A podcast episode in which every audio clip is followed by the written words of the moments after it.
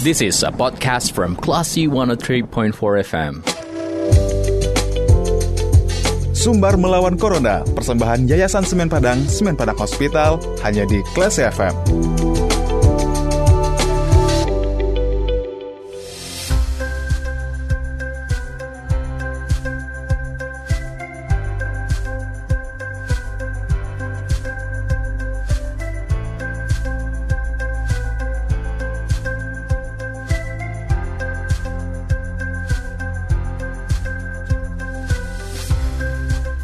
103,4 kelas FM bersama kita lawan Corona. Selamat sore Classy People, saatnya Anda mencermati sumber melawan Corona persembahan Yayasan Semen Padang dan Semen Padang Hospital.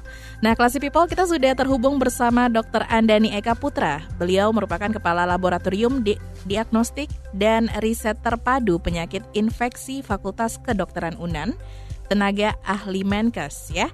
Kita langsung sapa. Halo selamat sore dok.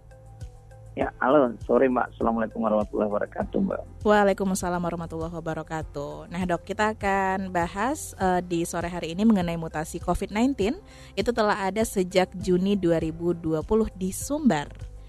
Nah, Dok, sejak kapan pengujian sampel yang menemukan adanya mutasi virus COVID-19 ini? Iya. Jadi kita menemukan uh, beberapa variasi mutasi ya dari uh, COVID-19 isolat Sumatera Barat. Itu isolat yang kita temukan uh, kita ambil dari mulai bulan Maret pesan pertama sampai sekarang. Dan ternyata hasilnya adalah pada waktu kita fase puncak sekitar bulan Agustus September, mm-hmm. ternyata sudah ada mutasinya, mutasi D614G, D614G. Mm-hmm. Nah, mutasi itu uh, terlihat ya sesuai dengan laporan-laporan dari beberapa publikasi, dia menyebabkan virusnya lebih cepat menyebar, lebih infeksius, gitu kan? Mm-hmm. Jadi penularannya lebih cepat, sehingga kasusnya cepat meledak, terutama di area-area tutup seperti sekolah, rumah-rumah, kantor, gitu. Itu lebih banyak kasusnya. Oke. Okay. Jadi sejak sejak Agustus sudah ada. Oke, okay, baik. Nah, itu ada berapa sampel pengujian, Dok? Ini baru tahap awal, 41 sampel. Uh -huh. Kemudian masih kita lanjutkan lagi dengan 70 sampel lagi. 75, 73 sampel lagi. Jadi kira-kira sekitar 110 lah. 110 itu total keseluruhannya ya, Dok ya? Nanti pada akhirnya itu. Uh -huh. Nah, kapan rampung pengujian sampel ini, Dok? Selesainya minggu ini, minggu ini selesai semuanya. Mungkin minggu depan selesai analisanya. Oke, nah untuk temuan sementara bagaimana dok? Yang uh, pengujian sampel saat ini? Kalau saat ini kan dari 41 sampel yang sudah selesai, uh -huh. itu 95% adalah mutasi pada oh, apa kodon ke 614 ya, 614 pada gen S-nya. Jadi gen S itu adalah gen ada yang menghasilkan protein S namanya, protein spike ya, mm-hmm. spike protein yang artinya tempat ikatan virus pada sel tubuh manusia. Oh, begitu. Jadi jadi mm-hmm. jadi mutasi pada gen S protein S tadi mm-hmm. mengakibatkan kemampuan virus itu untuk melekat ke manusia jadi makin kuat. Jadi, jadi makin bagus dia melekat. Oke. Nah, apakah mutasi uh, virus yang ditemukan ini, Dok, sama dengan mutasi virus uh, yang ditemukan di negara lain juga? Iya, sama, sama, sama. Ini ini uh, kebetulan yang 614 ini juga di daerah lain Indonesia juga itu polanya sama polanya. Ya, polanya sama. Mm-hmm. Tapi ini tidak sama dengan varian-varian berarti B117, B135, kelompok P1 nggak beda, tidak sama itu. Apa Ini yang membuatnya beda, dok? Mutasi yang pertama ditemukan. Mm-hmm. Yang membuatnya beda itu apa, dok? Posisi mutasinya. Oke. Okay. Nah, daerah mutasinya gitu ya. Mm-hmm. Informasi. Kalau pada pada apa pada apa namanya itu? Mm-hmm. Pada uh, kalau saya ceritakan pada itu ya pada pada kelompok pada kelompok itu B117 ya. Mm-hmm. Itu banyaknya terjadi pada posisi 501. Oke. Okay. Ya. Jadi mm-hmm. pada posisi kodon 501. Mm-hmm. Kalau ini kan banyak di 614 ya.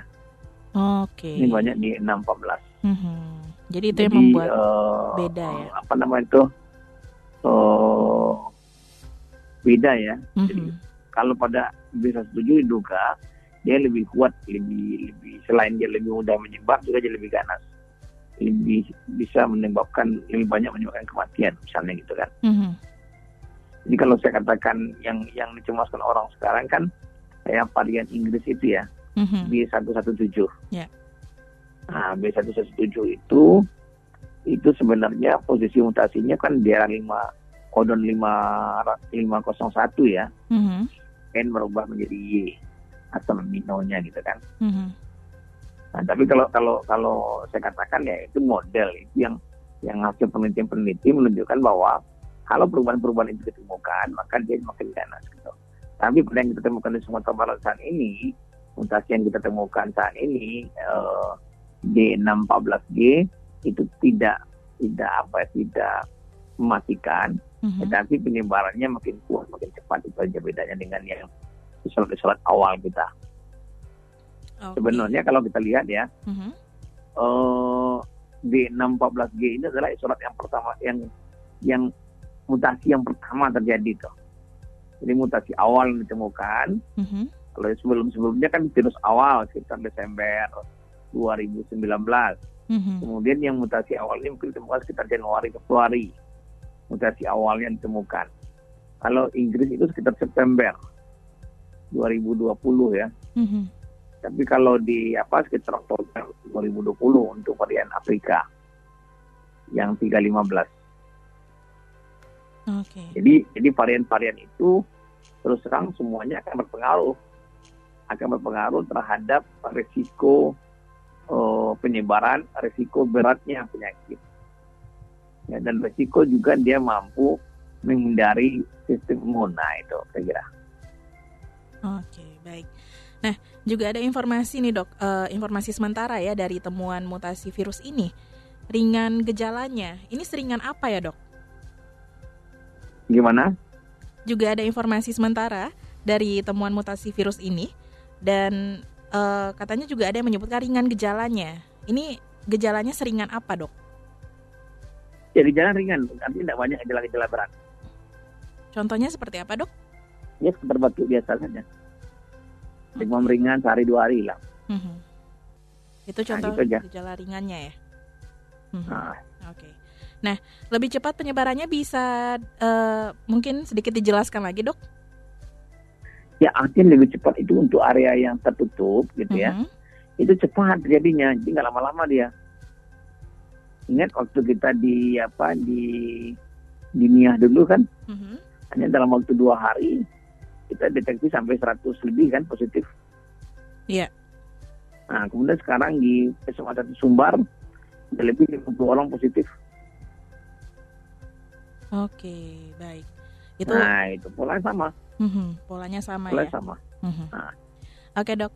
Ada pesan-pesan yang ingin disampaikan untuk uh, classy people di sore hari ini? Ya, kalau saya, saya selalu berpikir begini ya, kalau memang kondisi begini, uh-huh. pola penyebarannya sudah seperti ini, yang harus dilakukan orang adalah tetap waspada untuk resiko varian-varian baru. Yeah. Oleh sebab itu, ya, walaupun vaksinasi sudah dilakukan, uh-huh. tetap harus pakai masker. Tidak ada yeah. cerita, tetap harus pakai masker. Betul kita nggak tahu varian-varian yang muncul ke depan di belakang berikut berikutnya ini kita nggak tahu gimana kualitasnya kan. Yeah.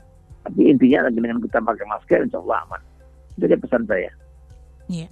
Jadi memang tidak menutup kemungkinan akan ada varian baru juga ya dok ya? Iya, betul sekali. Nah. Oke, tetap patuhi protokol kesehatan itu okay, intinya. Ya. Oke, okay. terima kasih dokter Andani. Oke, iya mbak. Ya, selamat melanjutkan aktivitas kembali. Assalamualaikum. Ya, Salam. Baik, Classy People, demikian obrolan kita bersama Dr. Andani Eka Putra, Kepala Laboratorium Diagnostik dan Riset Terpadu Penyakit Infeksi Fakultas Kedokteran UNAN, tenaga ahli Menkes. Kita ke program selanjutnya. Terima kasih. Anda sudah mencermati program Sumber Melawan Corona, persembahan Yayasan Semen Padang, Semen Padang Hospital.